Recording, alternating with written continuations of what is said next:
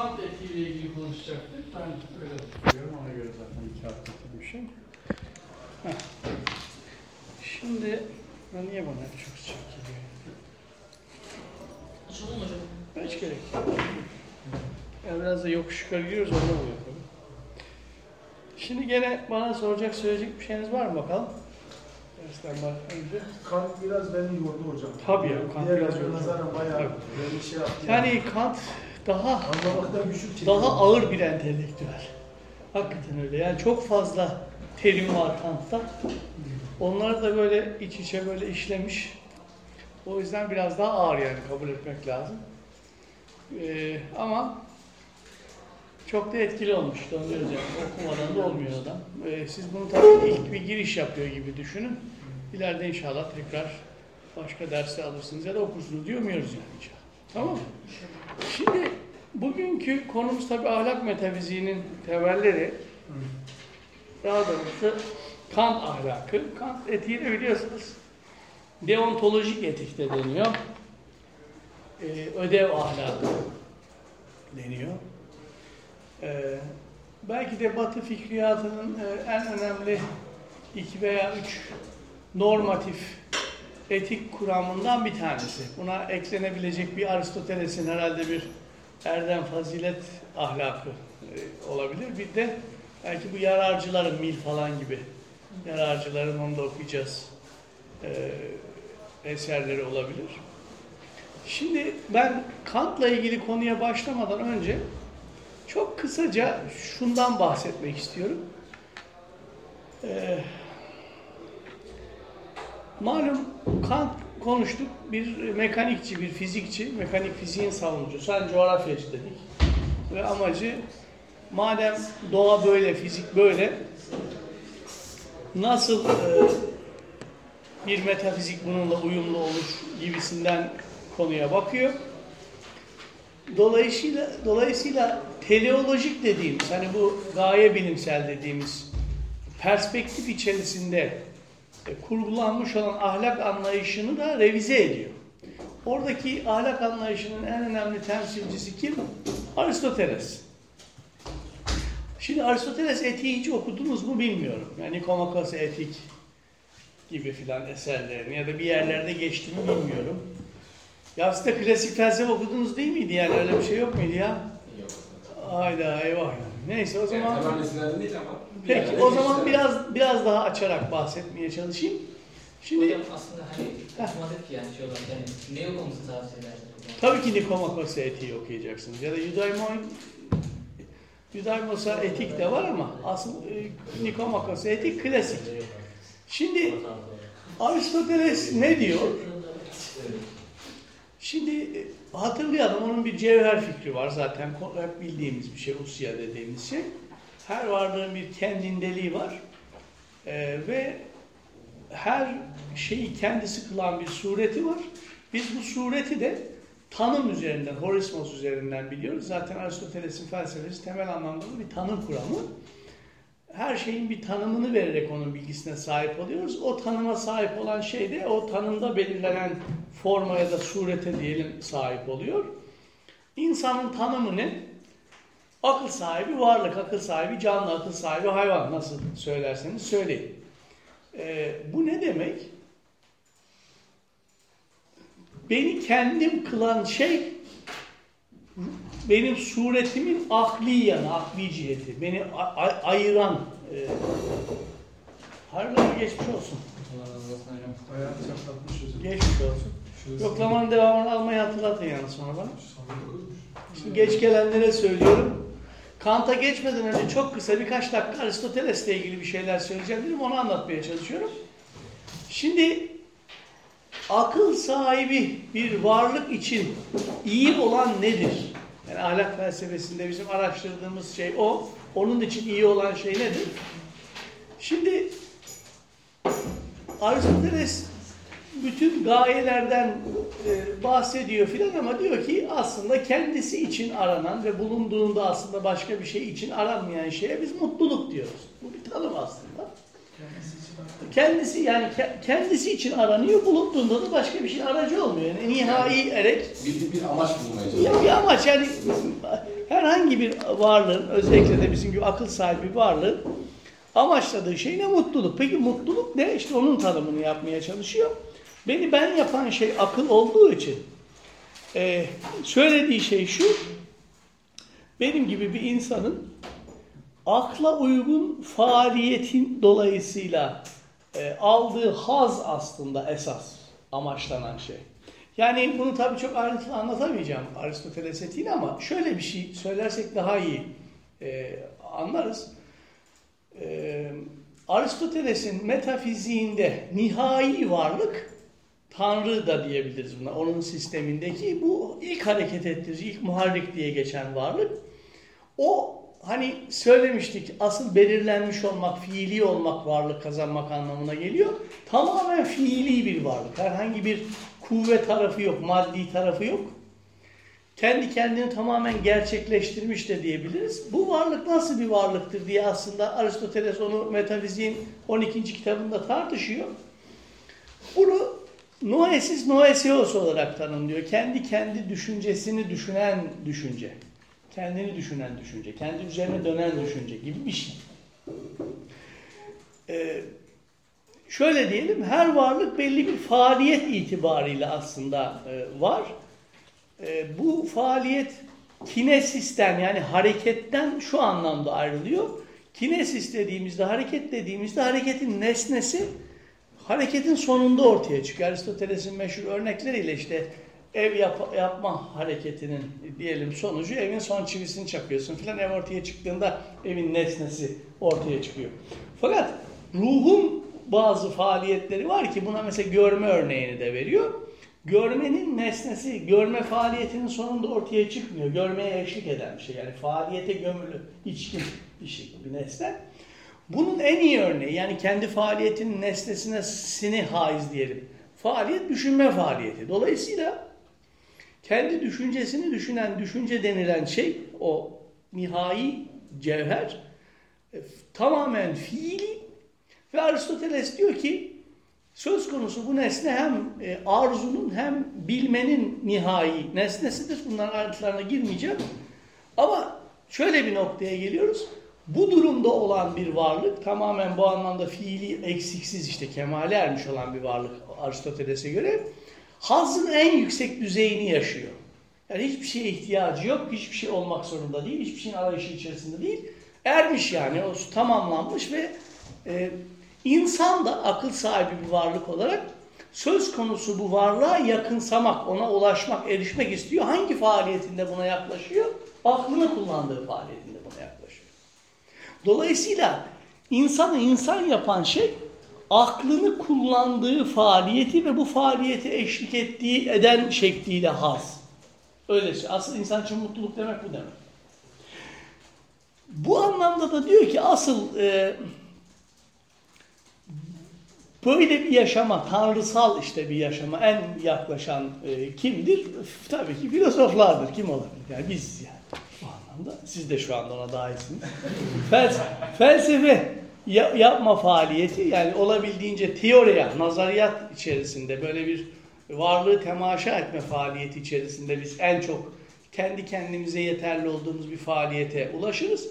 Bu faaliyet itibariyle var olmak en ideal yaşam biçimi. Dolayısıyla felsefecinin yaşamı da en ideal yaşam Aristoteles'e göre. Fakat diyor ki Aristoteles ya kardeşim herkes de filozof olacak ya da herkes böyle bir hayatı bu maddi şartlarda sürdürecek bir durumda da değil. Hani malum. O zaman şöyle bir soru da ortaya çıkıyor. İnsanın aslında aklını kullanabileceği bağlamlara ihtiyacı var. Bu bağlamlar nerede ve nasıl ortaya çıkıyor diye sorduğumuzda işte meşhur Aristoteles'in ikinci insan tanımına geliyoruz. İnsan zoon politikondur. Yani politik canlıdır, politik hayvandır. Niye? Çünkü insanın aklını kullanabildiği bağlamlara ihtiyacı var ve bu bağlamlar ancak diğer insanlar ona sunabiliyor. Şimdi bu Aristoteles için de önemli. Niye bunun önemli olduğunu anlayacaksınız. Şey, Kant için de önemli. Neden? Çünkü e, ben ne zaman asıl hani Aristoteles'in şeylerini hatırlayalım. Bir, da, bir, bir davranış sergilerken bir orta yolun arayışına giriyorum, bir ifrat tefritten kaçınıyorum.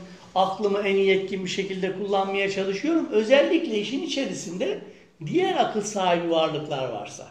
Yani ben davranışlarımı ne zaman ayarlamaya, akla uygun hale getirmeye çalışırım? Diğer insanlarla birlikte olan faaliyetimde. Öyle bir şekilde davranmalıyımdır ki diğer akıl sahibi varlıkların da akıllarını en üst düzeyde kullanabilmelerini sağlamaya benim davranışım bir zemin oluştursun. Bunu anlıyor musunuz? Şimdi bu Kant da bize farklı bir şekilde tekrar geri dönecek onun için söylüyorum. Yani insan niye diğer insanlara ihtiyaç duyuyor işte aklını kullanmak üzere? Çünkü nerede mesela ben kızacağım, ne kadar kızacağım, nerede nasıl üzüleceğim, ne kadar üzüleceğim, nerede ne kadar bağıracağım filan gibi bir bağlamı e, düşündüğümüzde bu diğer insanlar tarafından ne demek bu? Diğer akıl sahibi varlıklar tarafından bana sunuluyor. Mesela Aristoteles bu anlamda evliliği falan savunan bir adam. Hani böyle doğaldır, şudur, budur falandır o ayrı bir hikaye de. Çünkü evlilik, çocuk sahibi olmak, o işlerin içine girmek sana sürekli aslında aklını kullandığın bir faaliyet içerisinde kendini gerçekleştirebilme imkanı sağlıyor. O faaliyete eşlik eden bir şekilde aldığın hazdan daha çok seni insan yapan hiçbir şey yok. Anlatabiliyor muyum? Ya bu işte kan şey Aristoteles etiği. Yani Aristoteles'in metafiziği, fiziği, psikolojisi, etiği bu anlamda hepsi bu etik meselesinde bir araya geliyor. Zaten şöyle de düşünebilirsiniz. Bakın Aristoteles Nikomakos etiği yazmış. Şu probleme meseleyi getirmiş. Ha, dolayısıyla aslında insanların nasıl bir arada yaşadığı, toplumun nasıl teşkil edildiği, insanları olabildiğince bu tip akıllarını kullanabileceği, bağlamların nasıl yaratılabileceği bizatihi tek bir insanın davranışı içerisinde kararlaştırılamaz. Politik bir bağlam gerektirir. O yüzden Nikomakos etiğin devamı Aristoteles'in politikası. Kitap olarak devamı yani. Hemen devamında onları yazmaya devam etmiş. Dolayısıyla işte o anlamda insan politik bir canlı vesaire vesaire devam ediyor. Ha şimdi geri geliyoruz. Biz Kant konumuz Aristoteles değil ama Aristoteles'i okumanızı da tabii ki burada öneriyoruz. Bunları niye bize anlattınız? Efendim? Şimdi niye anlattım? İşte geleceğiz. Şimdi böyle, böyle bir etik de ne kadar şahane yani. Hani diyelim gayet de işte nalı mıhına da denk geliyor. Metafizik, fizik her şey bir arada. Ama bu fizik işte değişiyor. Bu fiziğin değişimi sonrasında Kant'ın eleştirisiyle o zamana kadar yapıldığı şekliyle metafizik de değişiyor. Şimdi akıl sahibi rasyonel varlıklar bakımından ahlakın anlamı nedir? Kant'ın karşı karşıya olduğu bir cevap üretmeye çalıştığı problem bu. Yani aynı problemle karşı karşıyayız. Ha biz bir zamanlar Doğayı böyle düşünmüşüz, metafiziği böyle anlamışız. İnsanın işte akıl sahibi canlı olması itibariyle ahlaki faaliyetini şöyle böyle anlamışız. Ya bunların hiçbirisini söyleyemiyoruz. Ha, o zaman biz ahlakı nasıl temellendireceğiz? Yani neye ahlaki diyeceğiz, neye insan için iyi diyeceğiz, neye mutluluk diyeceğiz falan filan. Kant dolayısıyla bu problemi çözmek durumunda anlatabiliyor muyum? Şimdi hatırlayalım tekrar geri dönelim. Kant bunun yerini birinci kritikte hazırlıyor. Ne anlamda hazırlıyor? Bir şunu düşünelim. Hani ben size ilk anlattığım derste de söyledim iki hafta önce. Kendinde şey kavramından, Dingazik'ten Kant bahsediyordu. Kendinde şey görünüş ayrımı yapıyordu. Ve bunu niçin yapıyordu? Diyordu ki ben görünüş olmam, fenomenal olmam, Erscheinung olmam itibarıyla doğa yasalarına ta ta tabi olan bir varlık. Bu anlamda doğanın bir parçası olmam itibarıyla benim için bir özgürlükten, sorumluluktan, bu anlamda da ahlaktan söz etmek mümkün değildir. Ama ben aynı zamanda kendinde olarak, irade ve isteme sahibi bir varlık olarak öyle söyleyelim. Doğa yasalarına tabi değilim. O nedenle ben kendimi kendinde şey, kendi başına olan cihetim itibariyle özgür bir neden olarak düşünebilirim. Yani bunun hani sonradan inşaat yapmak üzere millet filiz çıkıyor ya demir filizleri. Sonra izin gelirse belediye filan izin verirse kat çıkıyor. O kat hazır yani yeri kat çıkacak şekilde. Çünkü ben ahlak tecrübesini fizikle uyumlu bir şekilde mekanik fiziğin olduğu bir dünyada düşünebilmenin imkanına sahibim Kant'a göre. Ve bu kendinde şey kavramı üzerinden gerçekleşiyor. Bu bir kenarda dursun. Biz okumadık onu tabii birinci kritiği. Birinci kritikte Kant'ın söylediği çok önemli bir başka cümle daha var. Ben diyor pratik akla yer açabilmek için diyor Tanrı ölümsüzlük ve özgürlük hakkındaki bilgiyi imkansız kıldım diyor. Teorik bilgiyi imkansız kıldım diyor. Bu çok önemli bir cümle. Ne demek istiyor burada? Şimdi bunu anlamaya çalışalım. Kastettiği şey şu. Platoncu bir şekilde biz evreni düşünüyor olsak, işte Agaton var, bütün düşünülürler onun sayesinde var. Onun bir yansıması ya da ondan payan olarak doğa var. İşte Aristoteles'in bahsettiği doğa da öyle bir doğa. Böyle bir yerde, böyle bir ortamda ahlak Kant'a göre nazari bir faaliyete dönüşür. Ne anlamda? Sen bu sahne içerisinde eğer iyi ya da iyinin izinin nerede olduğunu görebiliyorsan onu yapman ahlakidir. Onu göremiyorsan ve zaten göremiyorsan yapacağın bir şey yok zaten yapamazsın. Yapacağın şeyin de ahlaki olduğundan bahsedilemez. Yani ahlak nazari olanla ilişkili olarak ortaya çıkan bir şeydir. Yani iyi olanı görmek ya da görmemekle ilgili bir faaliyettir. Öyle söyleyelim. Şimdi peki pratik olan ne? Hani bu açıdan bakıldığında e, iyinin pratik akılla olan ilişkisi ve şimdi size onu anlatacağım. Ne, ne yapmış da bu adam hani onu biliyoruz. Bu Tanrı ile ilgili, işte ruhla ilgili, onun ölümsüzlüğü ilgili falan bilgiyi hakikaten sınırladı. Neye yer açmak için bunu yaptı? Kendi diyor ki ben pratik akla yer açmak için bunu yaptım. Neyi kastediyor? Şimdi kastettiği şey şu. Teorik akıl ne ile ilgili? Teorik akıl işte bir şeylerin, temsillerin kavramların altına düşürülmesi, bilinmesi öyle söyleyelim ile ilgili. Buradan şu sonucu hemen de çıkarabiliyoruz. Benim iyinin izini burada görmekle ilgili nazari bir faaliyetim yok Kant'a göre. Yalnız bunu bakın Kant böyle söyle diyor ha böyle diye de düşünmeyin. Bizim aslında bütün tasavvufi geleneğimiz filan bunun üzerine kuruludur. O da ayrı bir hikaye. Yani hani Kant bunu diyor ha öyleymiş falan demek lazım. Ama Kant böyle bir şeyin imkanı olmadığını düşünüyor. Yani insan tecrübesinde yani ben şu anda burada iyi olanın ne olduğunu hakikaten görebilir miyim? İfade edebilir miyim? Bu anlamda bir norm koyabilir miyim? Bakın anlatabiliyor muyum? Böyle bir imkanım yok diyor Kant. Peki iyi nasıl nerede ortaya çıkacak? Şimdi pratik akıl tarafına geçiyoruz. Böyle bir nazari tarafı bir kere bıraktık. Pratik akıl bir nesnenin fiili olmasına sebep olan akıl diyor Kant. Şimdi ilkinde bir şey var temsil olarak biliyorsun bir kavramın altına düşürüyorsun. Pratik aklın faaliyeti bir nesnenin fiili kılınmasını sağlıyor. Orada da farklı tür nesneleri de ayırt ediyor. Birazdan bunları size daha ayrıntılı biraz daha söyleyeceğim. Ee, üç farklı tür aslında e, nesneden de bahsediyor. Onları konuşacağız. Şöyle söyleyelim. Peki Kant'a göre pratik aklın faaliyeti içerisinde fiili kılınan nesne nedir? Ki hani ben pratik akla yer açmış olayım. Bunu şöyle de düşünebilirsiniz. Daha Platoncu bir evrende ya da Aristotelesçi realist bir bakış açısıyla bu düşünülürlerin var olduğu bir evrende yaşıyor olsaydım ben herhangi bir düşünülürün, herhangi bu anlamda bir nesnenin varlığa gelmesinin nedeni olarak kendimi düşünemezdim. Yani şunu demek istiyorum. İyi ya da ona bağlı olarak düşünülürler. Ben varsam da varlar, yoksam da varlar. Duysal alanda benim var olmam ya da olmamamın, onların var olması ya da olmaması ile ilgili oluşturduğu bir şart yok. Ben iyi görürsem görürüm, göremezsem göremem. Temaşa edersem ederim, edemezsem edemem. Ama ben iyinin vücuda gelmesi, var olabilmesi için benim bir dahlimin olup olmamasının hiçbir önemi yoktur. Şimdi biz böyle bir iyi var mı konusuyla ilgili bilgi sahibi değiliz. Şimdi Kant'a göre. Peki yine nasıl ortaya çıkıyor? Summum bonum dediği en yüksek iyi dediği bir şey var Kant'ın. Nasıl ortaya çıkıyor?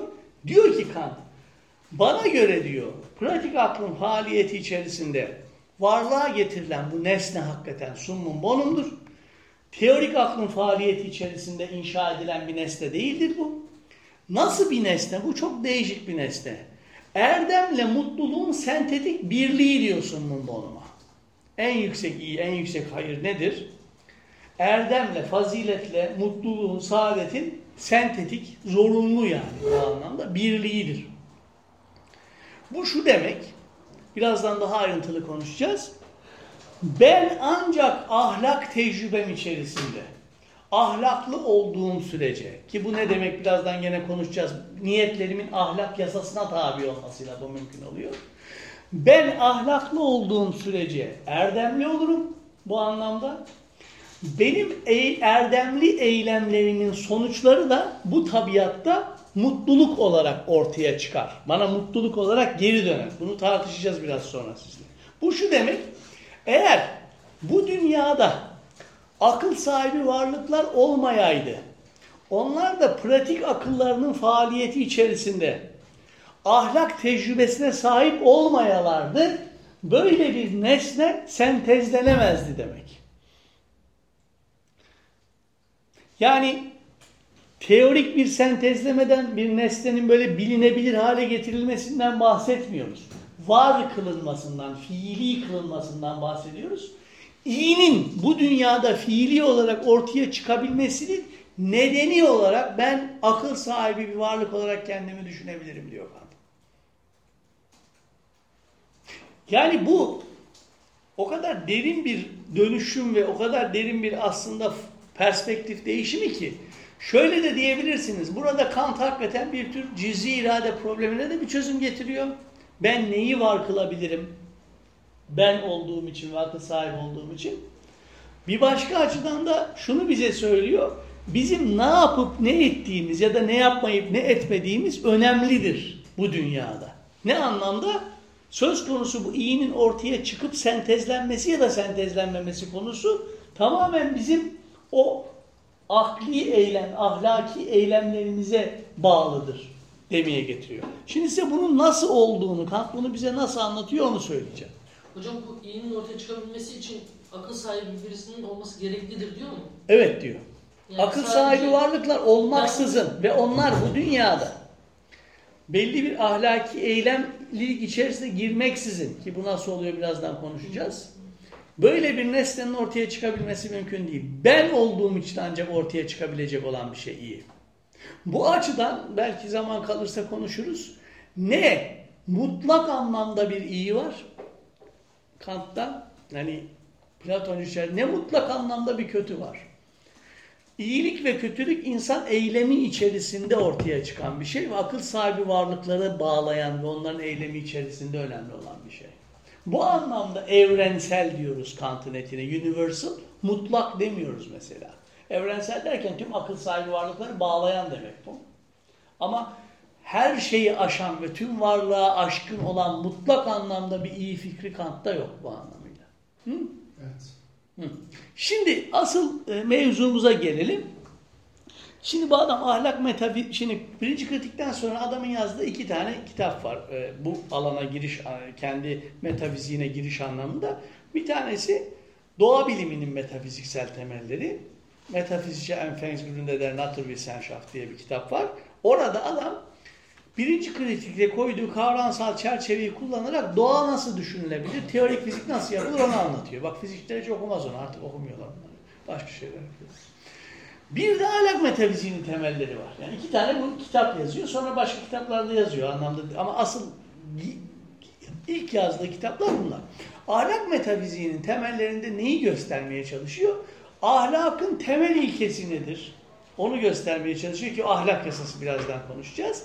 Ve neden söz konusu bu ilke tüm akıl sahibi varlıkların arzu ettiği, istediği bir şeydir. Onların istemelerinin nihai aslında şeyidir, ilkesidir.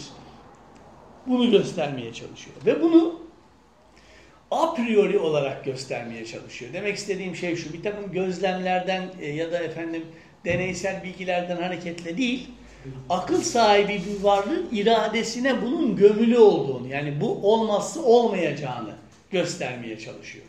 Şimdi bunu nasıl yaptığını biraz biraz anlamaya çalışacağız. Şimdi madem bir idea olarak ya da form olarak iyi yok, hayır yok, hani biz onu zaten dolaysızca bilemiyoruz, akli görümüz de yok falan filan. Neye iyi diyeceğiz? Şimdi zaten hemen düşünürseniz de akla geliyor. Benim kendinde olan tarafım ne? İradem, istemem. Yani benim özgür bir neden olan tarafım e, bu eylemliliğe ya da eylemlere yönelen iradem ya da istemem.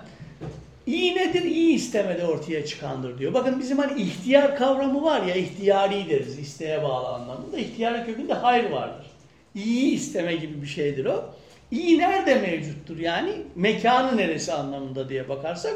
İyi istemede yani söz konusu isteme çok farklı şekillerde de tezahür edebilir. İlla iyi isteme şekli tezahür etmek zorunda değil. Ben belli bir takım hazları, düşük hazları, şunları bunları da isteyen olarak kendimi düşünebilirim.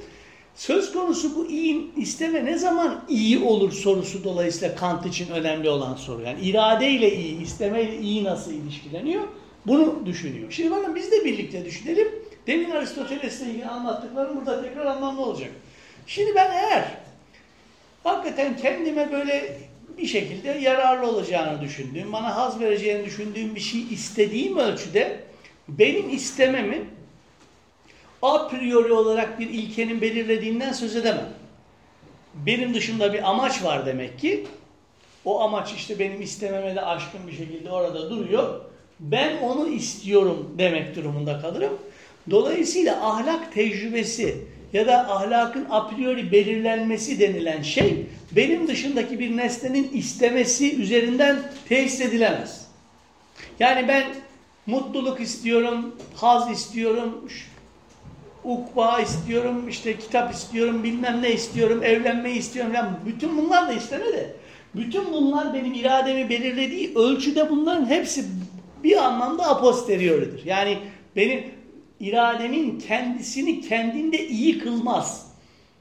Peki ben neyi istersem aslında e, nasıl bir isteme, kendisinde iyi isteme denilen şey nasıl bir istemedir ki hani a priori olarak da belirleniyor olsun? Şimdi burada hemen aynı noktaya gidiyoruz. Ben eğer herhangi böyle bir dışsal amacı gözetmeksizin bir şeyi istiyorsam e, söz konusu bu istemenin iyi olduğundan söz edebilirim. Aynı mantıkla bakın Aristoteles'teki gibi düşünüyoruz. Ben bu istediğim her neyse o akıl sahibi olmam ve akıl sahibi bir varlık olmam itibariyle zaten istiyorum. Söz konusu bu istemede istediğim şeyi ancak tüm akıl sahibi varlıklar için istiyorsam bu iyi olur. Bakın yani ben kendim bencilce ve kendim için bir şey istiyorsam bu her her zaman zaten a bir şeydir ve gayet de dediğim gibi bana dışsal olan birazdan da konuşacağız. Beni heteronom, yader kılan bir istemedir. Beni asıl ben kılan, otonom kılan gene birazdan konuşacağız. İsteme her neyi istiyorsam onu tüm akıl sahibi varlıklar içinde istiyor olduğum istemedir. Hı? Böyle bir şekilde belirlenen isteme bana ödevimi bildirir. İşte ödev ahlakı demek bu. Yani benim yapmam gereken, zorunlulukla yapmam gerekenin ne olduğunu bildirir. Ve ben ancak bunu yapabildiğim ölçüde kendim olurum. Şimdi yavaş yavaş biraz açalım. Sen haklısın yani böyle konuşunca. Bugün anladım ne hikmet senin. Aman inşallah bugün de terssin sen. Bugün daha zor aslında anlatmak Bugün değişik bir şey var. Şimdi arkadaşlar bakınız. Şöyle düşünebilirsiniz bir de mevzuyu daha iyi belki o zaman anlaşılır. Ya benim eğer irademi, istememi benim dışındaki bir takım nesneler belirliyor ise öyle söyleyeyim. Yani ben evamı ve hevesime kapılmış gidiyorum. Tamam mı?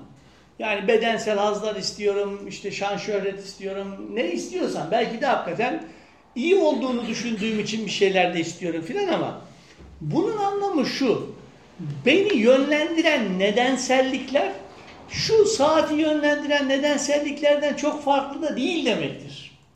Yani dışındaki bir takım şeyler beni etkiliyor, beni kendilerine cezbediyorlar, sevk ediyorlar ve gidiyorlar demektir. İşte benim heva ve heveslerime kapılmam demek bu demek. Bu, bu iyi olamaz yani. Bu iyi olamaz İyi işte. şey. Bu ve a priori bir iyi, a priori anlamda, önsel anlamda iradenin ya da istemenin belirlenmesi böyle bir şey olamaz.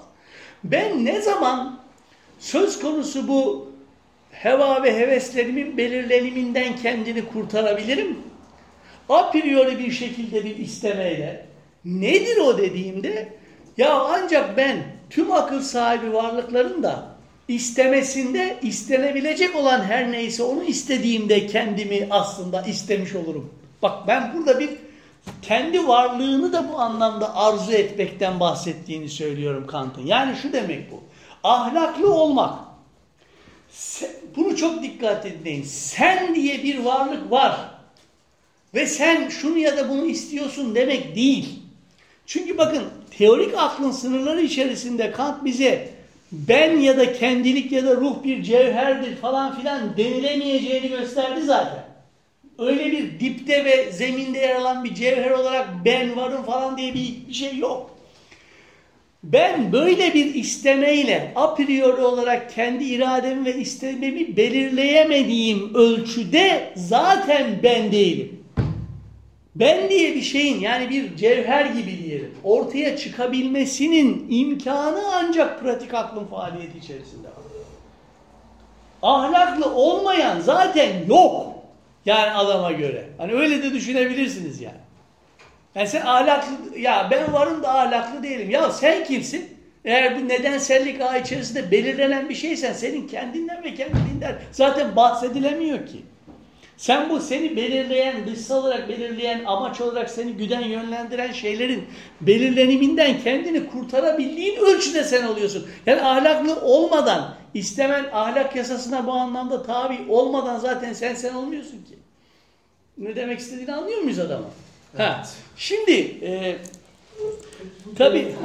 hocam? Nasıl? Yani tamamen başkalarının iyiliğine yönelik bütün çalıştığın kendin zaman de dahil tabii, kendin de dahil bütün akıl sahibi varlıkların iyiliğini istemeden sen sen olamıyorsun. Başkasının iyiliğini istemediğin müddetçe Bu değil yani şey başkası meselesi sonra gündeme gelecek belki onlara da konuşacağız. Ee, burada tabii ben kendimi başkalarının da iyiliğini isteyerek var kılıyorum. Öyle söyleyelim. O başkaları olduğu için kendisini şey Ha, yani şimdi yavaş yavaş işte onları da konuşacağız. Ee, onu da geçen haftanın sonunda da söylemiştim size. Ben başkalarını teorik olarak bilebiliyor muyum? Hayır bilemiyorum. Yani teorik olarak bana göre siz hani e, ben olarak varsınız ben diyemiyorum. Değil mi? Öyleyse çok ilginç şöyle bir durumla da karşı karşıya kalıyoruz. Ben aslında numenal yani düşünce düzeyinde bir takım varlıkları akıl sahibi varlıklar olarak gözettiğim eylemlerinde ancak kendim akıl sahibi bir varlık olarak var olabiliyorum. Bakın teorik bir bilgi üzerinden olmuyor bu. Yani ben şimdi diyorum ki ya bunlar şimdi bu çocuklar akıl sahibi varlıklar. bu benim düşüncemde olan bir şey. Size bunu project ediyorum, yansıtıyorum yani. Ve diyorum ki ya ben bunları araç olarak kullanayım, çalıştırayım. Benim işte makalelerimi yazarken, derleme yaparken çalışsınlar. Ne halleri de varsa görsün. Hiçbir kıymetleri de yok diyor. Benim amaçlarım için de bu gayet uygun. İşte bu, bu ahlaksızlık yani. Anlıyor musunuz? İşte ahlaksızlık bu. Ha ne zaman ben kalkıp ya bir dakika ben ne yapıyorum hop ya bir dakika ben böyle kaptırmış gidiyorum bu çocukları da kullanmayı düşünüyorum araç olarak. Ben bunları kendinde amaç olarak gözetmeliyim. Bunlar da akıl sahibi varlıklar. Deyip de kendi niyetlerimi buna göre belirlemeye ancak başladığımda ahlaklı oluyorum. Bunu yapabildiğim ölçüde de ben kendim rasyonel bir varlık oluyorum. Ha siz de bunu yapabiliyor iseniz diyelim kendi düşüncenizde öyle söyleyelim.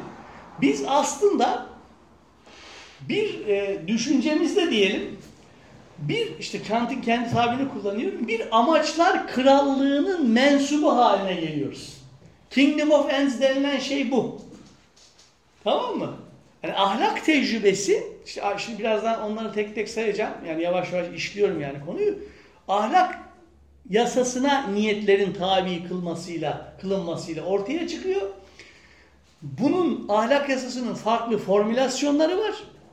Bunlardan bir tanesi de demin söylediğim anlamda sanki sen akıl sahibi varlıkların oluşturduğu bir amaçlar krallığında bir yasa koyucuymuşsun gibi davran formülasyonu mesela.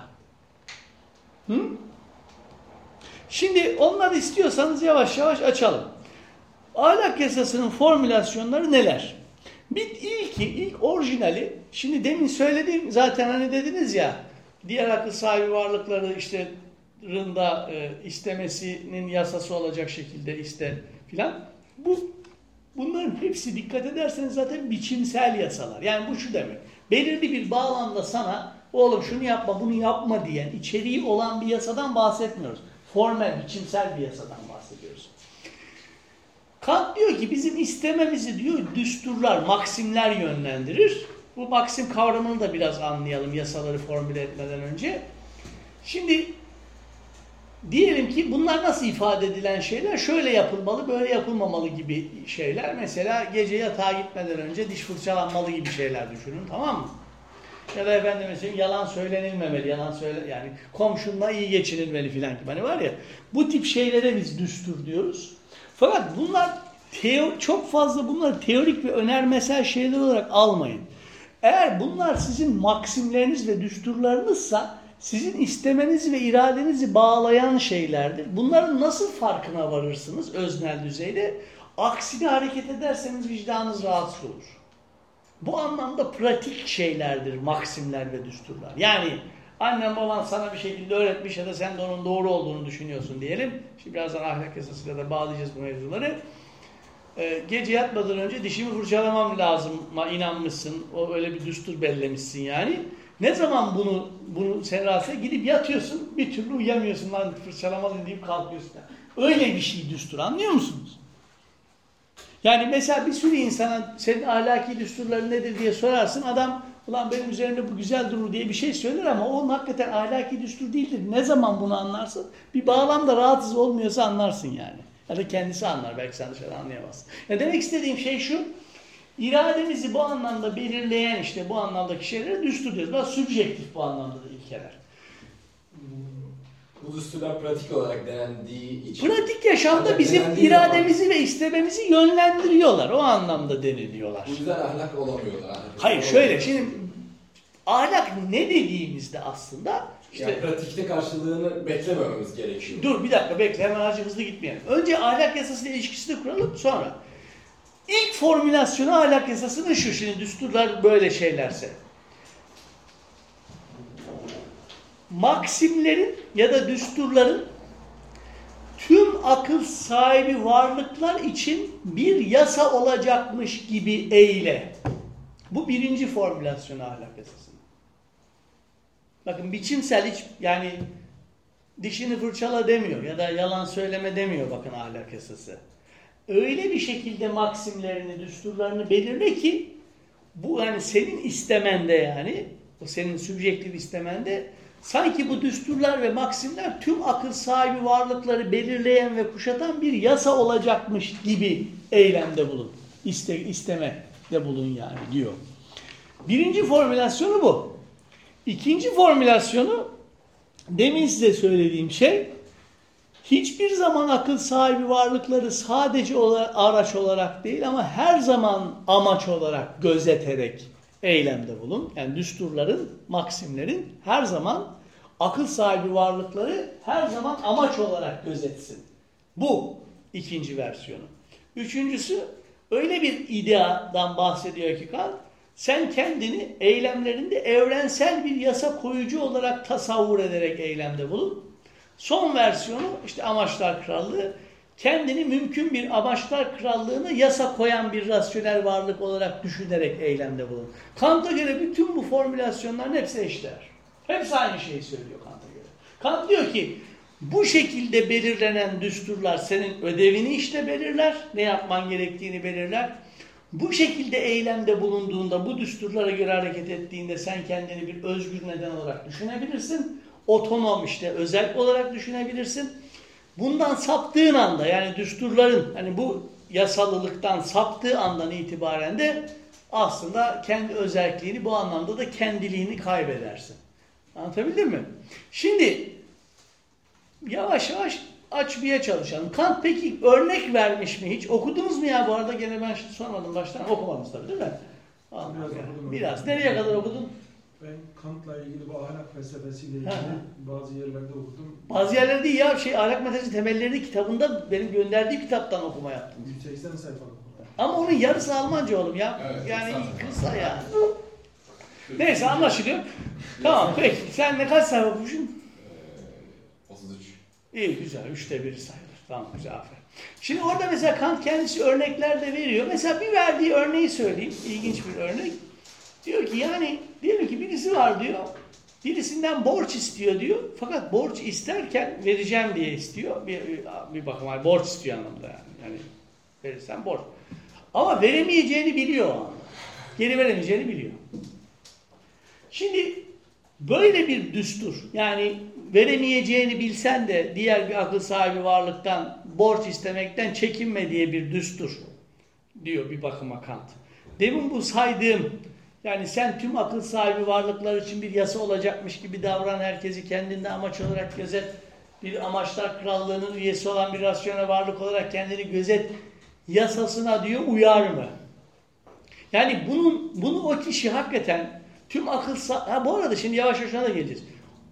Bu öznel bir şey bakın yani dışarıdan birisinin karar verebileceği bir şey değil. Yani biz dışarıdan da yargılayamıyoruz. Eğer adam hakikaten kalkıp diyebiliyorsa ki ya bence bu hakikaten pekala akıl sahibi tüm varlıklar için yasa olabilecek olan bir maksimdir. Diyeceğim bir şey de yok bu anlamda. Hani ahlakın bu anlamda tartışılamayan ve öznel bir tarafı var. Fakat tabii Kant'ın söylemeye çalıştığı şey yok artık gibi bir şey. Yani böyle bir şeyde nasıl herhangi bir rasyonel varlık içine sindirebilir diye.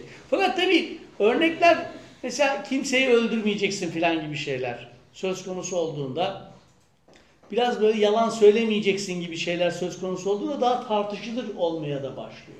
Yani yani kendimi savunurken ne yapayım filan gibisinden ya da işte birisinin hayatını kurtarmak söz konusuyken de mi yalan söylemeyeyim gibisinden.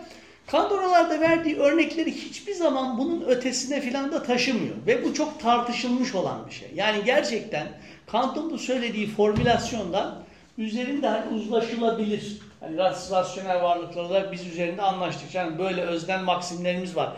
Diyebileceğimiz düsturlar, maksimler çıkar mı? Pek çok felsefeciye göre hayır. Onu da söyleyeyim. Yani bunu şunu demek istiyorum.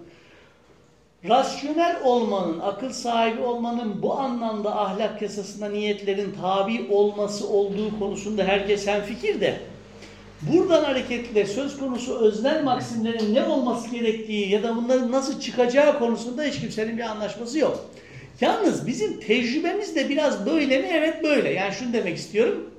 Biz diyelim ki belli düsturlar da belirleyebiliyoruz. Hatta sorulduğunda bu düsturlar ahlak, yani şeye de benzeyebiliyor. Akıl sahibi varlıkların yasa olarak belirleyebileceği düsturlara da benzeyebiliyor.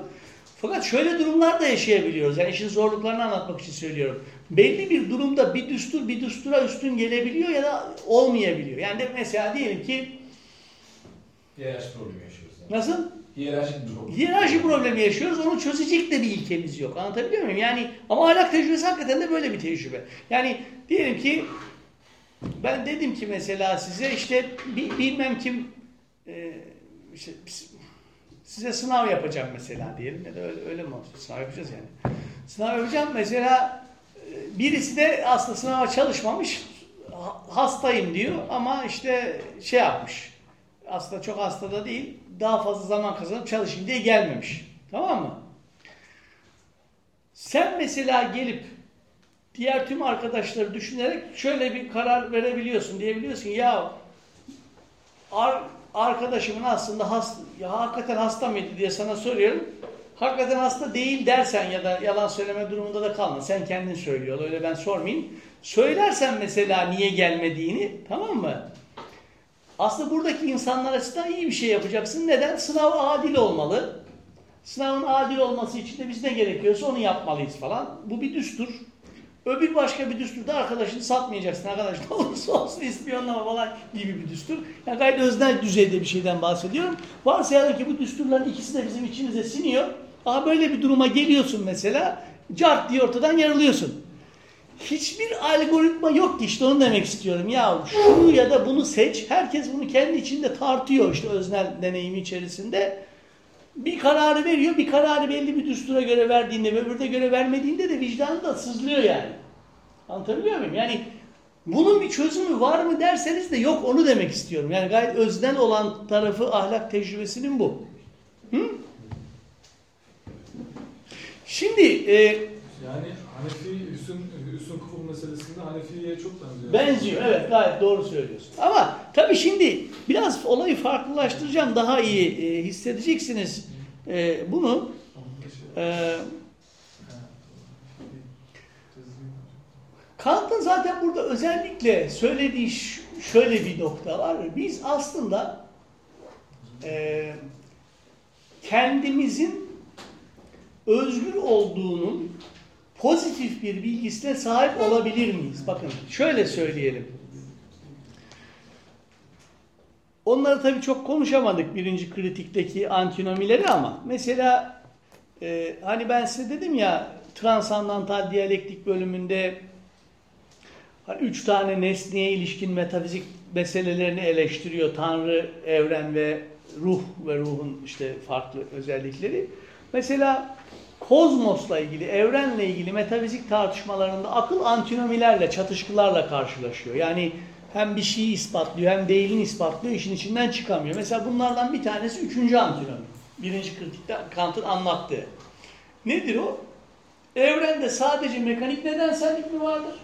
Yoksa mekanik nedenselliğin ötesinde özgür nedensellik de var mıdır?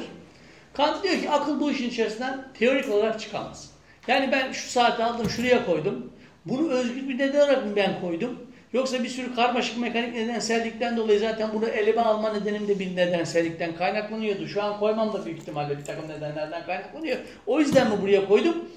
İkisiyle de ilgili diyor akıl açıklama verir. İkisi de yani eşit derecede geçerlidir. İkisi de ispatlanabilir. Sağlıklı yaşam.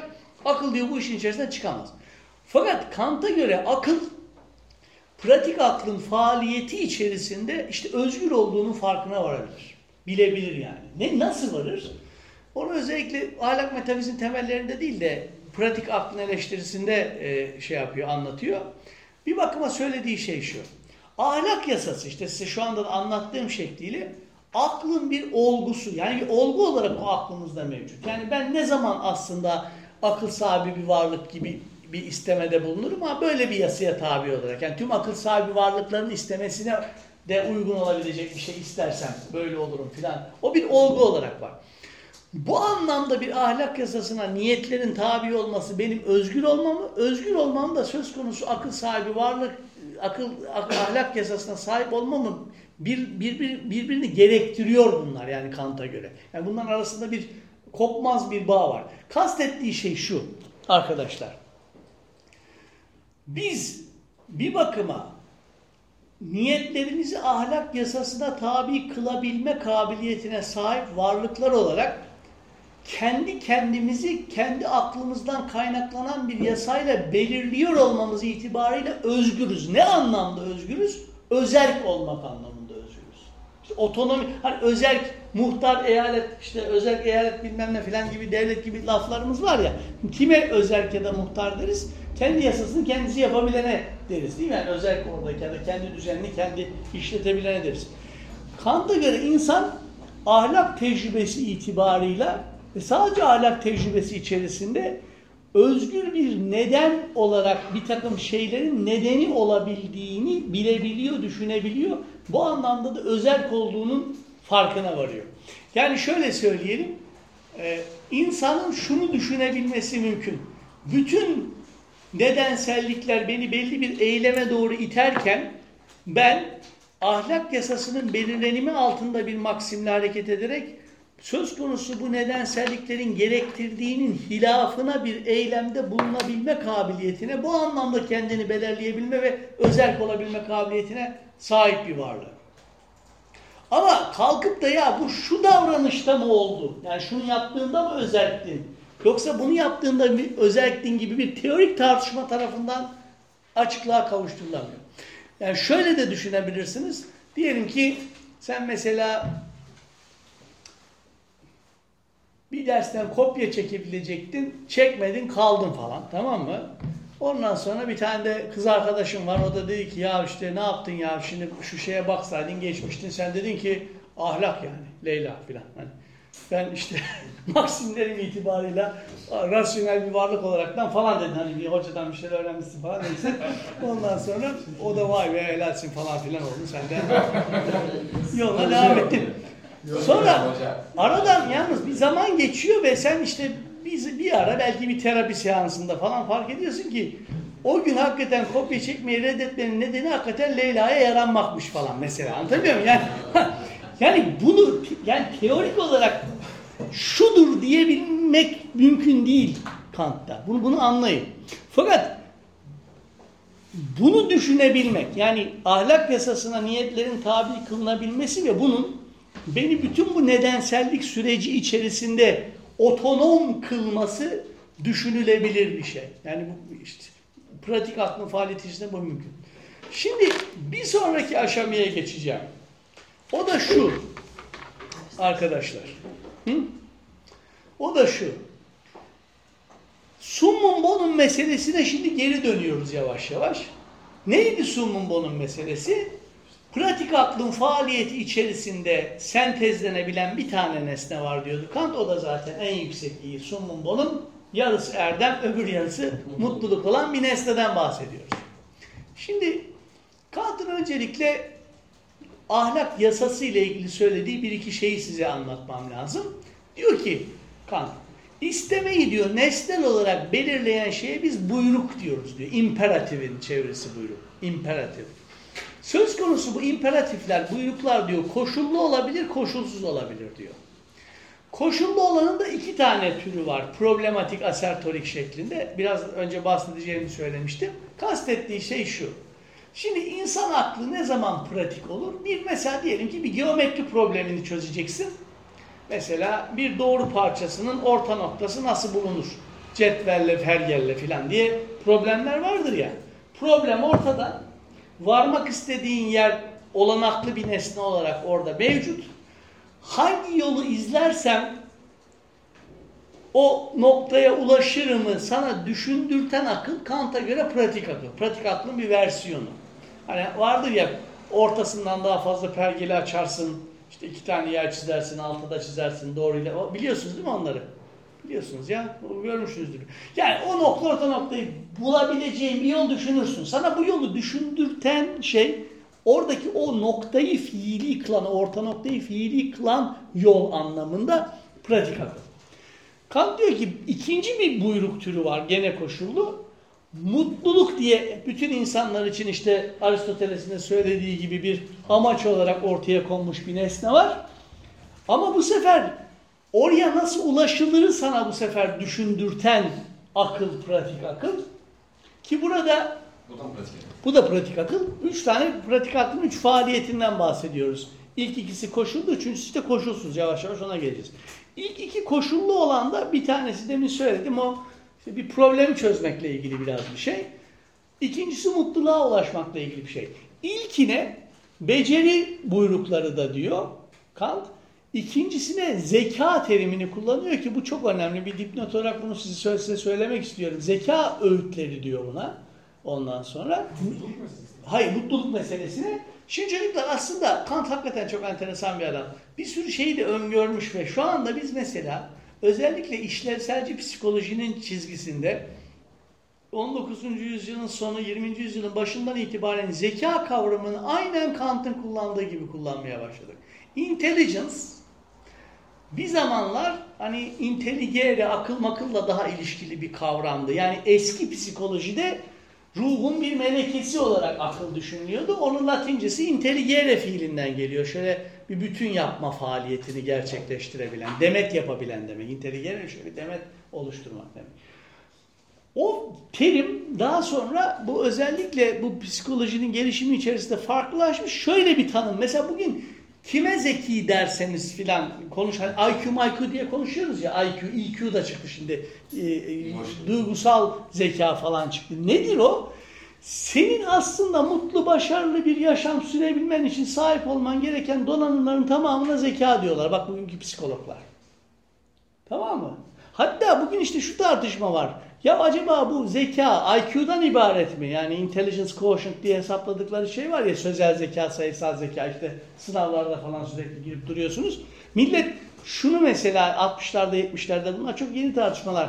Dedi ki ya zeka eğer bu anlamda bizi mutluluğa ulaştıracak olan o donanımsa IQ'su gayet yüksek ve son derece mutsuz bir sürü adam olduğuna göre IQ bunun kuşatıyor olamaz dedi. İşte Howard Gardner diye bir adam var meşhur. Frames of Mind diye de bir kitap var. Onu da okuyabilirsiniz. Türkçesi de var. Mesela gibi. Onları yazan adam mesela Howard Gardner. O diyor ki işte bu EQ, MQ çıkaran adam bir sürü diyor zeka türü var. Donanım çok geniş yani. Ve bunun da içinde diyor en önemlisi de EQ filan diyor. Adamın da çok haklı olduğu bir taraf var. Yani falan filan. Demek istediğim şey şu. Yani Kant'ı kafada nasıl bir şey olduğunu anlayın diye söylüyorum. Bu anlamda beni mutluluğa ulaştıracak o donanım ya da o yolları düşünme kabiliyetim yani bana işte e, belli bir şekilde pratik akıllı aklın verdiği bir şey. Şimdi yalnız Kant şunu da söylüyor. Bana göre diyor bu ilk iki örnek yani koşullu buyruklar aslında pratik olmaktan çok teoriktir.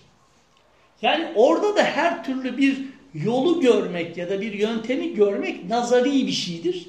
Bana göre has pratik olan, pratik aklın has pratik faaliyeti tamamen niyetlerin ahlak yasasına tabi kılınması üzerinden ortaya çıkar.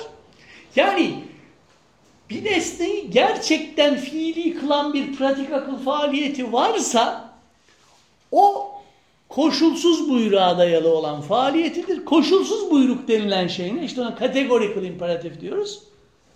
Ahlak yasası işte. Yani ben niyetlerimi ahlak yasasına tabi kıldığım ölçüde bir nesnenin fiili olarak ortaya çıkmasının nedeni olarak kendimi düşünebiliyorum. Şimdi asıl soruya geliyorum. İşte ona, o lafı oraya getir, getireceğim. Peki benim erdemli olmam tamamen niyetlerimi bakın onu defaatle söyledim. İrademin, istememin, oradaki niyetlerimin koşulsuz buyruğa ya da ahlak yasasına tabi olmasıyla ortaya çıkıyor. Bu irade düzeyinde ortaya çıkan bir şey. Fakat benim eylemim yani bu niyete bağlı olarak ortaya çıkan eylemim tabiatta ortaya çıkıyor. Yani ben belli bir niyetle hareket edebilirim. Bu niyeti ahlak yasasına tabi de kılabilirim ama eylemimin sonuçları ahlak yasasının yasa olarak geçerli olmadığı, tabiat yasalarının geçerli olduğu bir alanda ortaya çıkıyor. Bunu fark ediyor musunuz? Heh, yani orası benim yani ahlak yasasının bir alanı varsa onun hükümran olduğu alan benim niyetlerimin alanı. Ama niyetlerimin alanı zaten numenal bir alan. Yani benim istememin alanı. Ama benim o niyete bağlı olarak davranışlarım burada ortaya çıkıyor. Burada ise doğa yasaları geçerli. Ahlak yasası geçerli değil. Yani bir yasa olarak düşünülürse. Yani hükümran değil orada ahlak yasası. O zaman Kant diyor ki peki o zaman nasıl ah, erdemle mutluluğun bir zorunlu birliğinden söz ederiz? Yani bir parçası varsa öbürü de olmak zorunda Kant'a göre. Ama bir parçası hani dağda birisi bağda da diyemeyeceğim. Dağ bağ olsa bile yakın olur falan bir mesafe olur. Burada dağ bağ da yok. Bir tanesi düşünülür alanda bir tanesi duyulur alanda ortaya çıkıyor. Yani hiçbir bağları yok. Yani uçurum var oralarda. Uçurum bile değil işte. Farklı mekanlar diyelim. Anlatabildim mi problemin ne olduğunu? Heh. Kant buna pratik aklın eleştirisinde yani ikinci kritikte diyoruz biz ona diyalektik bölümünde dönüyor. Pratik aklın antinomisi diyor buna. Çatışkısı diyor. Yani pratik akıl ahlaklı olmanın nasıl bir şey olduğunu düşünüyor, fark ediyor. Niyetlerin ahlak yasasına tabi olması beni erdemli kılar onu da fark ediyor. Fakat onun sonuçların ortaya çıktığı alan işte mutluluğun bana vaat edildiği öyle düşünün. Ortaya çıkacağı alan heyhat doğa yasalarının hakim olduğu alan. Şimdi herkes bunu anladı mı? Ha. Kant'ın çözümü nedir? Onu anlatacağım şimdi size. Tamam mı? Kant'ın çözümü. Çünkü Kant'ın çok bilinmeyen ve aslında belki de çok daha Alman idealizmini bizim konuşacağımız çok daha etkilemiş olan tarafı bu. Kant diyor ki hani ben size diyor teorik ak, a, a, aklın faaliyeti içerisinde üç tane ideadan bahsetmiştim ya diyor. Evet. Hani Tanrı, kozmos ve ruh. Kozmosla ilişkili olarak düşündüğümüz idea da özgürlük ideası. Gene hatırlayın 3. antinomiden özgür bir neden var mıdır kozmosta yok mudur meselesi. Yani özgürlük ideası kozmos ideasına bağlı olarak düşünülen bir şey. Yani özgürlük ruhun ölümsüzlüğü ve Tanrı'dan bahsetmiştim size hatırlıyor musunuz diyor. Ve teorik aklın faaliyeti içerisinde bunların kurucu olamayacağını söylemiştim diyor. Hatırlayalım şu nesnenin kuruluşunda hani işlevsel olan melekeler vardı. Bu melekeler işte duyumlama, muhayyile ve kendilikti. Akıl hiç devreye girmiyordu. İdealar şunun kuruluşuyla hiç ilgilenmiyorlardı. Bu anlamda da o idealar kurucu değillerdi. Hatırlıyor muyuz? Diyor ki bu üç idea, özgürlük, Tanrı ve ruhun ölümsüzlüğü, summum bonumun kuruluşunda işlevseldirler diyor. Ne demek bu? Bakın ben özgür o benim özgür olmam ahlak yasasını ahlak yasası özgür olmamı gerektiriyor. Ben özgür olmasam zaten özellik olmasam ahlak yasasına sahibim, ahlak yasasına sahip olmasam özgür özellik olmam. Yani bunlar birbirini gerektiriyor. Yani benim erdemli olabilmem özgür olabilmem var. Ben özgür ve özellik olduğumu düşünmeksizin ahlaklı olamam zaten. Böyle bir şey mümkün değil. Ha. İkinci aşamaya geliyoruz. İkinci aşamaya geliyoruz. Diyor ki Kant, bakın çok dikkatli dinleyin. Tanrı ideası diyor, Tanrı ideasının öyle söyleyelim, Tanrı'nın yani özgür bir neden olarak benim sergilediğim eylemlerin sonucunun tabiatta ortaya çıkmasını sağladığını düşünebilirim diyor. Bunda bunu düşünmekte hiçbir çelişki yok. Bakın bilirim demiyor, dikkat edin. Bilirim demiyor. Yani teorik anlamda bu bir bilginin konusu değil. Tanrı'nın benim özgür bir neden olarak sergilediğim işte ahlaklı olduğum eylemlerin sonucunu bu dünyada ortaya çıkarıp benim ve tüm akıl sahibi varlıkların içinde mutlu olarak yaşayabilecekleri bir mekanın kuruluşunu sağladığını, sağlayacağını düşünebilirim diyor. Bu ne demek? Bu şu demek. Ben diyelim ki şu saati alıp bu tarafa koymakla ilgili belirlenmişim mekanik nedensellik içerisinde. Fakat ahlaken maksimlerimi ahlak yasasına belirlediğimde bunu böyle değil de böyle yapmam gerektiğini fark ediyorum. Ve yapıyorum. Şöyle düşünün. Burası bir bilgisayar oyunu gibi düşünün çocuklar. Hani bilgisayarın içindeyiz. Hani var ya ekranın içindeyiz. Ve ben bir bilgisayar oyunu karakteriyim. Bu ne demek? Benim yaptığım her şey bilgisayar kodları tarafından belirlenmiş demek. Yani ne yapıp ne yapmayacağım, ne yaparsam ne olacak falan hepsi yazılım, yaz, yazılım olarak var. Mekanik yasalar öyle şeyler zaten. Tamam mı? Benim ben bir oyun içerisinde bir şekilde kendimin farkına varıyorum. Ve diyorum ki ya bunun böyle olmaması lazım, bak böyle olması lazım diyorum. Normalde benim bunu yapamamam ya da bunu yapmaya bir şekilde kalkıştığım anda oyunun kilitlenmesi, çökmesi falan lazım. Anlıyor musunuz? Tanrı nedir Kant'ın burada düşündüğü şekliyle? Tanrı sanki bu koda müdahale edip bilgisayar çökmeden yoluna devam etmesini ve bu etkinin burada ortaya çıkmasını sağlayan bir üst program gibi davranıyor. Kant'ın ne düşündüğünü anlayın diye söylüyorum. Ben diyor böyle bir programın varlığını çelişkiye düşmeksizin düşünebilirim. Ne zaman Tanrı devreye giriyor dolayısıyla bakın dikkat edin. Doğanın yaratıcısıdır. Tanrı nedenidir bu anlamda. Zorunlu bir neden olarak kozmosun nedenidir gibi bir şeyi söyleyemiyorsun. Teorik olarak buna aklının gücü yetmiyor. Yani o ilk Birinci oyunu, kritikte konuştuğumuz şey ilk bu. oyunu tasarlayan kişi değildi yani. Değil, ha, onun öyle olduğunu söyleyemiyorsun. Sadece ve sadece söz konusu ahlak tecrübesinin kuruluşunda böyle bir işlevi olmasının zorunlu olduğunu düşünebiliyorsun. Öyle olmasaydı ahlak tecrübesi içerisinde ben özgür bir nedenken ne- neden olarak sarf ettiğim bu eylemlerin sonuçları burada bu programı bozmadan yoluna devam edemezdi. Tanrı'nın bu müdahalesi sonucunda uyuyor muyuz? Oyuncu. Uyumuyoruz değil mi? Bak sen uyuyor gibisin yalnız. Bugün dalgınsın sen. Bak dikkatli dinle çok önemli çünkü söyleyeyim önümüzdeki haftaları konuşacağımız şeyleri de belirleyecek. Tanrı'nın bu eylemi yani bu müdahalesi bir programa müdahale edip burada yarattığı değişikliklerin adı ne biliyor musunuz? Tarih işte. Tarih dediğimiz şey bu. Bütün Kant'tan beri tartışılan tarih felsefesi meselelerinin nedeni de bu. Tarih demek bu anlamda insan eyleminin, özgür insan eyleminin sonuçlarının ortaya çıktığı mekan demek. Biz doğal bir varlık niye olmadığımızı düşünüyoruz. Sadece doğal bir varlık değiliz. Çünkü bu özgür eylemlerimizin, özgür bir neden olarak sarf ettiğimiz eylemlerin sonucu işte tanrısal bir şekilde bir müdahaleyle öyle düşünüyoruz. Burada birikiyor, belirli bir mekan oluşturuyor. Bu mekanın adı tarih. Bakın konuşacağız Hegel'i konuştuğumuzda göreceksiniz. Bugün tartıştığımız şekli tarihin sonu monu tartışmalarının nedeni de bu. Tarihin sonu ne demek? Tarihin sonu şu demek. Kant'ın söylediği şeyi hatırlayalım. Bu biçimsel bir yasa, ahlak yasası. Ben hiçbir zaman ona tam olarak tabi olamıyorum ama bunun gayesi diyelim olarak ortaya koyduğum şey ne? Amaçlar krallığı. Yani ben ahlaklı olduğum sürece ve bütün akıl sahibi varlıklar, varlıklar ahlaklı olduğu sürece biz kendimizi böyle amaç olarak gözettiğimiz bir amaç krallığı içerisinde mutlu bir şekilde yaşayacağız. Yani kurgu o. Bu gerçekleşebilir mi? Tabiat bu kendi yasallığı içerisinde böyle bir şeyin ortaya, böyle bir mekanın ortaya çıkabilmesine izin verir mi? Bunlar işte tarih felsefesi problemleri. Böyle bir anın ortaya çıkması, yani böyle bir momentin ortaya çıkmasına biz tarihin sonu diyoruz. End of history bu demek. Evet, dünya cenneti oluyor. Gibi oluyor. Yani sen akıl sahibi varlıklar olarak herkesin amaç olarak gözetildiği bir düzeni kurduğun anda hani yakınsıyorsun belki ona hiçbir anlamı olmuyor. O tarihin sonu anlamına geliyor. Tarih bu demek, tarihin sonu da bu demek. Bak millet tarihin sonu deyince anlamıyor ne konuştuğunu.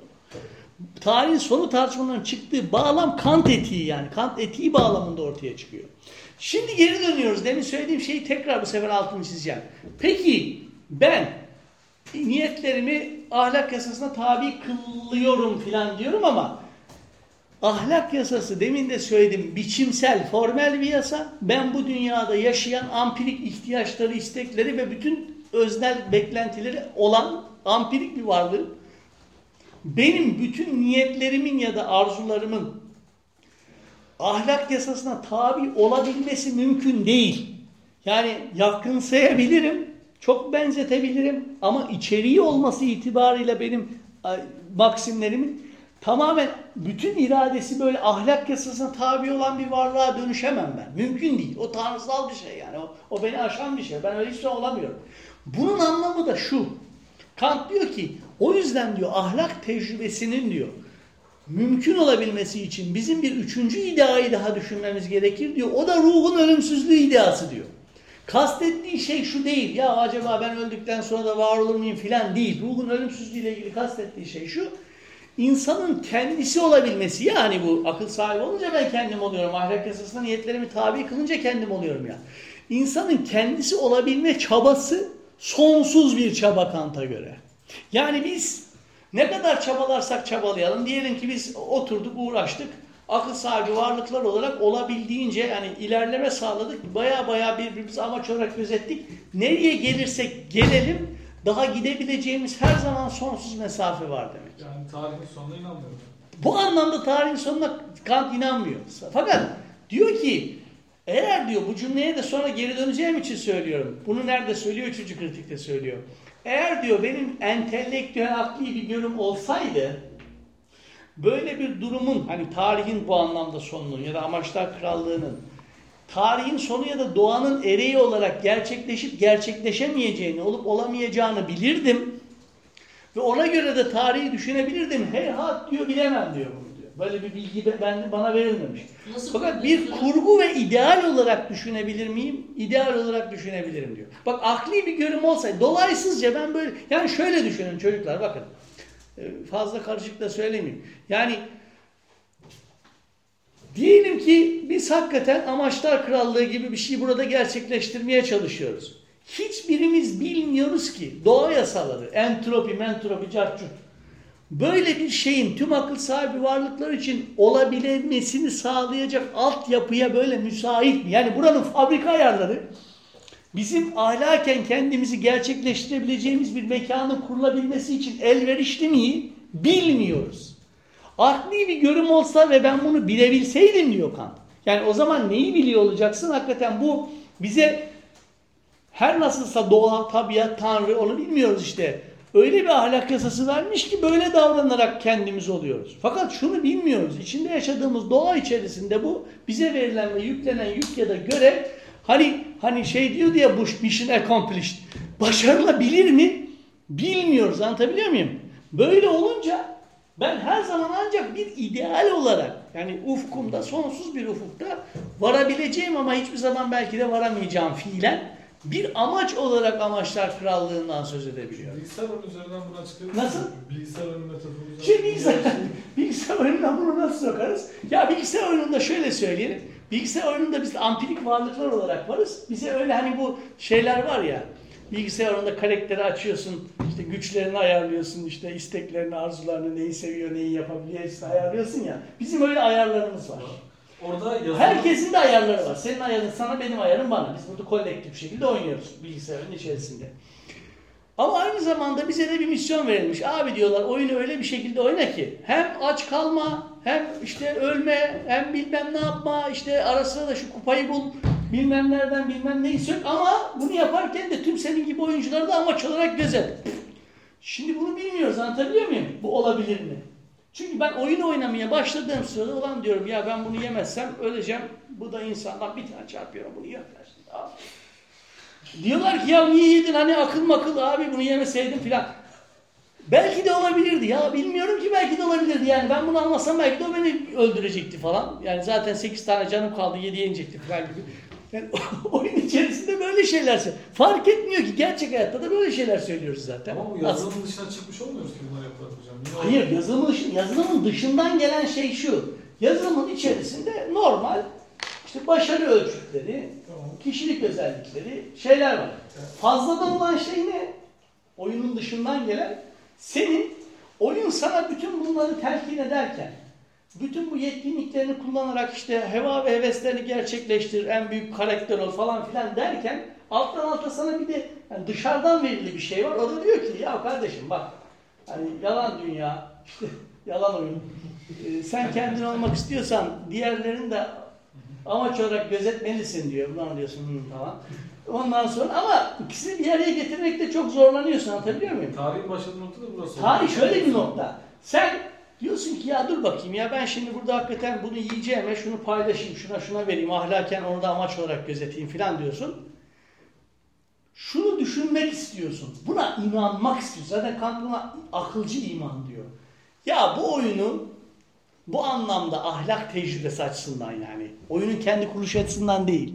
Çekip çeviren bir üst program herhalde bu yaptığımı görür de şuranın bütün akıl sahibi varlıklar için hani yaşanabilir bir yer olmasına doğru bizi yaklaştırır diye umuyorsun yani. Anlatabiliyor muyum? Bu bir umut. Bilmiyorsun onu yaparken. Hocam bir Anladınız mı ne demek istediğim? Bak çok güzel anlattım aslında. çok güzel. Bundan daha açık Kant anlatılmaz yani. Hatta fazla açık bile olmuş olabilir. Yani Kant'ın kendisinden bile açık olmuş olabilir. Adamın söylediği şey böyle bir şey. Hatta şöyle bir şey söyleyeyim size. Salt aklın sınırları içinde din diye en son yazdığı bu konularda yazdığı bir kitap var. Söylemiştim geçen derste de size.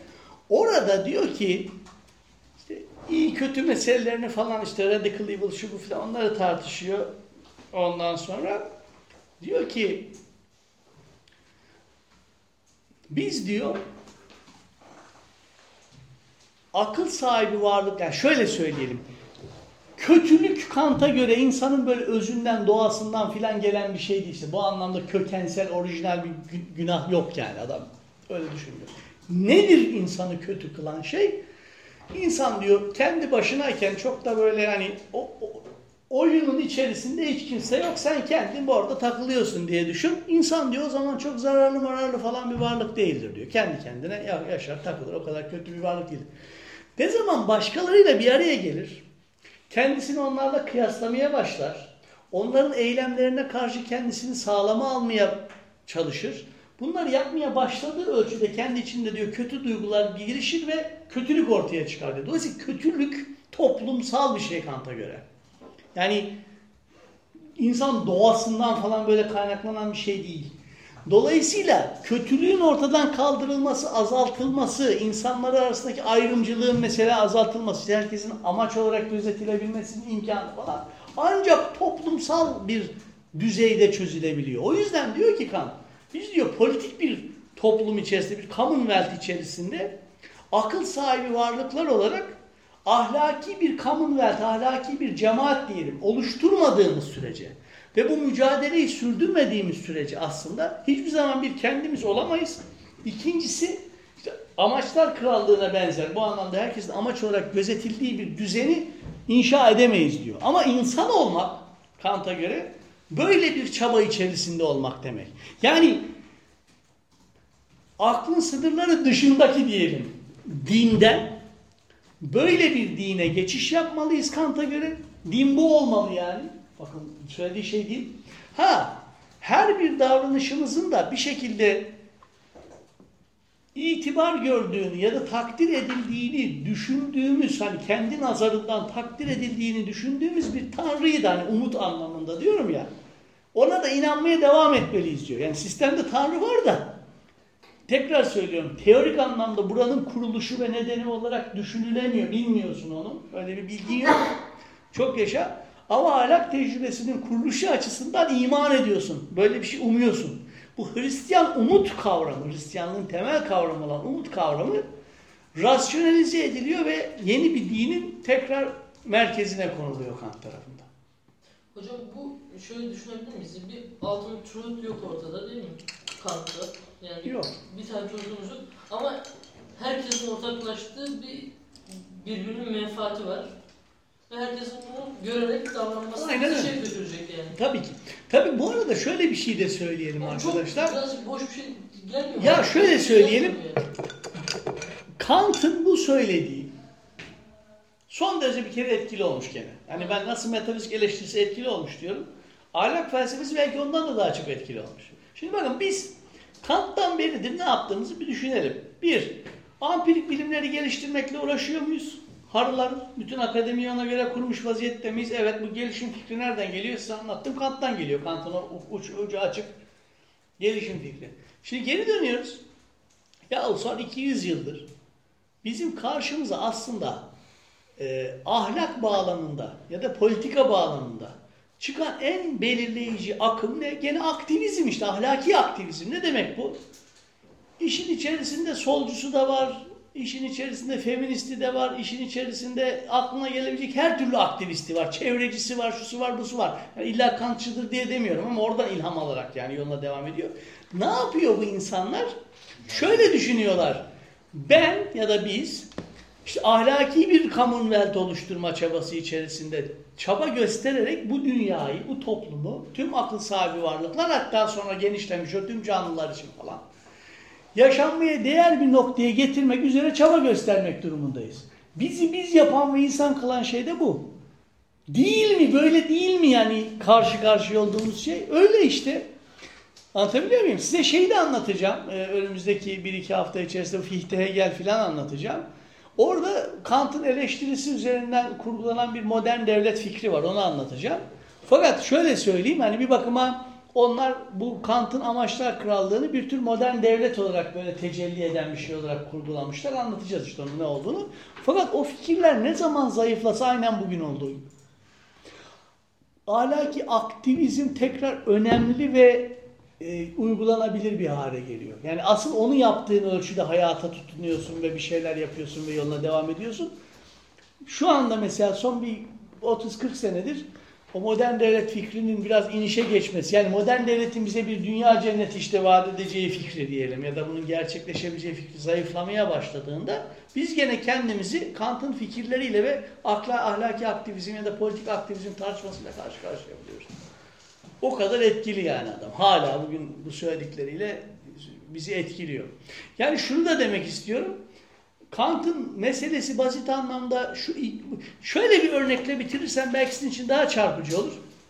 Şimdi çocuklar bakın daha böyle e, insanın kendisini var etmesi, ruhunun böyle daha düşük kısımlarının şeylerine çok fazla cevap vermemesi, nefsini terbiye etmesi, şu bu gibi kavramların daha önemli olduğu bir ahlaki çerçevenin terk edildiğini de görüyoruz. Yani demek istediğim şey şu.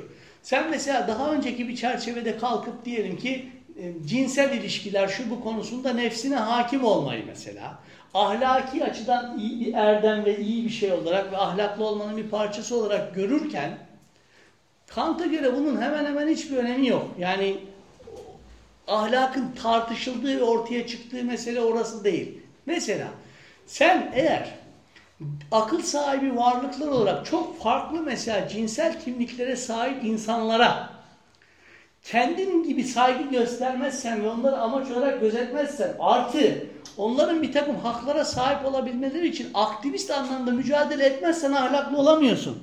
Bakın ne kadar radikal bir farklılık olduğunu görün diye söylüyorum. Anlatabildim mi ne demek istediğimi? Yani böyle söyleyince daha net ortaya çıkıyor. Yani bir zamanların işte insanın bir tabiatı var, doğası var, tanımı var. Kadın şöyledir, erkek böyledir, edep şudur, bilmem nedir gibi bir düşünüş biçiminin, ona bağlı erdemlerin tanımladığı bir ahlak nire, cinsel kimliklere özgürlük ve hak tanımak üzere ahlaki aktivizme katkıda bulunmayana ahlaklı demeyiz. Nire. Şu anda buradayız. Şu anda buradayız ama ne diyeceğini de bilemiyorsun. Çünkü mevcut çerçeve içerisinde rasyonel olmak, İşte akıl sahibi bir varlık olmak ve ahlaklı olmak bu böyle bir bağlamda tanımlanıyor. Buyurun bakalım. Yine geldik Kant'a. Tabii. İşte Kant ha- gitmiyor ki yakamızdan düşmüyor ki ben niye size ayrı bir ahlak felsefesi dersi yapayım dedim. İşte az önce ben yoklama alırken burada olmayan kim var? Senin adın neydi? Hüseyin Emre. Tamam seni biliyorum zaten. Dur. Ee, yanlış yere şey yapmayayım. Senin adın neydi? Ha? Sen de Hüseyin Sağlam. Erkan. Senin adın ne? İdris. Erkan. Erkam ikinci sırada. Başka? Selman var. Selman var. Hangi hangisi ama? Küçük sucu. Evet. Başka? Bir dakika şimdi. Hasan Fehmi zaten gene yok. Öyle mi? Selman Aksünger nerede? O da yok. O. Peki. Şimdi çocuklar e, son birkaç dakikamızda size sınavınızı dağıtayım. Sınavınızı e-posta olarak da gönderirim. Size e-posta yoluyla da gelir. Tamam mı? Sınav sorularına bir bakın. Anlamadığınız bir yer olursa sorun. E, burada olmayan arkadaşlara da verir misiniz? Görür müsünüz? E-postalar bunlara var. He? E-postalara var. Atılacak zaten de hani ben ne bileyim pas olarak da vermek istersen. Böyle sizin aranızda rekabet var. Şey, şeyleri de Onlara beraber ses kayıtlarını da vermiyorsunuz. Sınavı da vermiyorsunuz. Öyle mi? İyi peki. Herkes bir sorulara bir baksın. Hocam muazzam bir sınav yazıyor. Herhalde oğlum sınav yani felsefe sınavı işte. Gerçek sınav yani. Dandirik sınav değil. Evet, bir hafta mı hocam? Bir hafta süreniz var. Yani ben iki saatte sınav yapayım az acı çekin diye düşünüyordum ama siz dediniz take home sınav yapın bir hafta acı çekelim diye. Hatırlarsanız. Ben, ben mi dedim bir hafta hocam. İki saat burada uğraşsaydınız kurtulacaktınız. Çok acı bir zamana denk geldi hocam. Oh canıma değsin diyorum. Gelmeseydin kardeşim bize ne? Bu kırklıklarda Kant var hocam ya. O, yani Kant önemli. Ama zaten 7 haftanın 3'ünü ona ayırdığımız için. Ama bakın Kant'ın ahlak felsefesi ilgili soru sormadım. Keşke ondan sorsaydım. Bana ne kardeşim? Bana ne? Onu finalde soracağım. Kurtulmuş değilsiniz. Çünkü bu konuyla bağlantılı bir sürü başka şey daha konuşacağız. Hocam eee ne uzunlukta cevaplar istiyorsunuz? Cevap olsun yeter. Yani öyle destan yazmanız gerekmiyor. Yani öyle yoğun olduğunuzda biliyorum. Yani şu kağıdın Gerçekten- doldursak yeter mi? Ee, yani iki tane olsa ondan belki daha iyi. Yok canım yani öyle bir şeyim yok. Yani karakter verip bilsem de. Hani, Yani mesela bu derste dersten bunlar kalırsa ne oluyor? Tekrar mı alıyor? Ha, yani yani ben ben seve seve sizi sınıfta da bırakırım yani o açıdan hiçbir şeyiniz endişeniz olmasın. Kant'ın am- karşı tarafa yani bir- tüm insanlara amaç, kendi bir amaç, bir amaç var. Nasıl fark var yani? Kendisine yapılmasını istemediğini başkasına da yapmamak. Bilmiyoruz arkadaşlar. İkisi de biçimsel bir yasa olması itibariyle hemen hemen hiçbir fark yok. Bu açıdan bakarsak. Şimdi Ne fazlası var yani? şöyle söyleyelim, şöyle söyleyelim. Ee, Kant'a göre ahlak yasası sentetik a priori. Tamam mı? Ve e, senin bahsettiğin türde bir ilke gayet analitik olarak düşünülebilir. Yani sana yapılması istemediğini başkasına yapma. Neden sentetik a priori? Bakın onu istiyorsanız düşünebilirsiniz. Kant diyor ki ahlak yasası sentetik a priori diyor. Yani bakın güzel bir söz. Ben hatta sonra finalde de sorabilirim bunu size. İkisi arasında böyle bir fark var. Yani senin söylediğin bir ahlaki ilke olarak gayet analitik bir ilke ama bu ilkede bir fark var. Çünkü onu da söyleyeyim, ipucu olarak söyleyeyim. İşin içerisine aslında e, iki farklı kavram giriyor. Yani bir tanesi e, irade ve isteme ile ilgili bir kavram, bir tanesi yasallıkla ilgili bir kavram. İrade ve yasallığın bir araya gelmesi sentetik yapıyor önermeyi. Mesela böyle bir şey yok? Yine kendine yapılmasını istemediğim bir şey. İşte ben çok öyle düşünmüyorum. Demek istediğim şey şu. Mantıksal bir ilke olarak biz bunu yazsak tüm x'ler için herhangi bir x bir başka x'e şunu yapmamalıdır gibi bir formül var onun. Her, hangi özel memesini alırsan al doğru çıkıyor analitik yönlerden. Kant'ınki öyle değil. Ama neyse bu çok ayrı bir tartışma yani. Hocam. Tamam mı? Bir şey daha söyleyeyim en son e, olmazsa. Çocuklar yalnız şunu da düşünün. Ya birisinin akıl sahibi olduğunu düşünmüyorsanız ya da yeterince akıl bali olmadığını düşünüyorsanız ne olacak? Düşer. Yani bu çok önemli bir şey. Nedenini söyleyeyim. Çünkü mesela. Kant sonrasında sömürgeciliğin gelişimi aşamasında. Kant'ı gerçekten bu anlamda da Batı sömürgeciliği kullanmış. Yani hatta size bir örnek vereyim. Ee, güzel bir kitap adı yeterince açıklıyor demek istediğimi. Bir tane Marksist, bir tane antropolog bir kitabı var. Ee, Güney Amerika'nın kolonizasyonunu anlatıyor. Kitabın başlığı Europe and the Nations Without History. Bakın çok güzel anlatıyor olduğunu. Yani sen kalkıp aslında şöyle de düşünmeye başlıyorsun. Belki de bu anlamda bizim gibi düşünmeyen, yani rasyoneliteyi bu şekilde kurgulamayan insan toplulukların başına gelebilecek en iyi şey bizim onları işgal ederek tarihin içine almamız yani. Hocam direkt şey diyorlar hatta. Land without people diyorlar hatta yani. Şimdi bunu da niye söylüyorum? Çünkü bu beraberinde özellikle iki Dünya Savaşı sonrasında işte o başkası tartışmalarının farklı bir şekilde felsefeye geri dönmesiyle nihayetlenmiş. Yani biz bugün ahlakı çok kanç terimlerle düşünemiyoruz. Bunun riskleri olduğunu biliyoruz zaten. O tip riskleri olduğunu. Hala çok güçlü ama bugün mesela o başkası meselesi yani aslında ahlaki duyarlılık başkasının yüzüne karşı sorumluluk filan diye mesela Levinas filan gibi adamlar var. Onlar mesela bu anlamda Kantçı ahlakın aşılması gerektiğini düşünüyorlar. Çünkü sen ancak simetrik anlamda böyle rasyonel, karşılıklı rasyonel olan insanlar arasında ahlakı kurguladığın anda öyle bir arka plana sahip olmayan herkes senin için dönüştürülmesi gereken yani sömürgüleştirilebilir olan bir varlığa dönüşüyor. Yani Kant'ın hani bu güzel ve az önce sunduğum resimle beraber gelen çok karanlık bir tarafı da var. Kant'ın suistimal- kendinden gelmiyor. Hani dediğin gibi belki suistimal edildiği için öyle ya da belki de özünde de var. Çünkü şöyle bir tartışma da var. Kant hani söyledim size coğrafyacı, antropoloji üzerine yazdığı şeyler de var. Mesela öyle akademisyenler var ki Kant'ın ırkçılık kavramını inşa eden kişi olduğunu da söylüyorlar mesela. Yani Kant bu anlamda çok kompleks, çok tartışılabilir bir figür. Hocam, Tamam mı? Peki hadi bakalım. hocam bu bu kadar. şeyi sınavı bir hafta daha uzatabilir miyiz biraz? Benim için fark etmez uzatılabiliyor mu? Daha çok acı çekin. Bizim 10 tane sınav var hocam. Bizim öyküsünü var. Yani eğer illa önümüzdeki hafta istemiyoruz diyorsanız iki hafta sonra verin. Tamam. İsteyen haftaya versin. Tamam. İsteyen iki haftaya versin. Benim için, yani benim burada benim için not önemli değil. Sizin ilgileniyorum. Tamam. Duydunuz mu? İki haftaya da verebiliyorsunuz. Fatih ben, ben size sınava yapası olarak da atarım. Siz duy- duyurursunuz.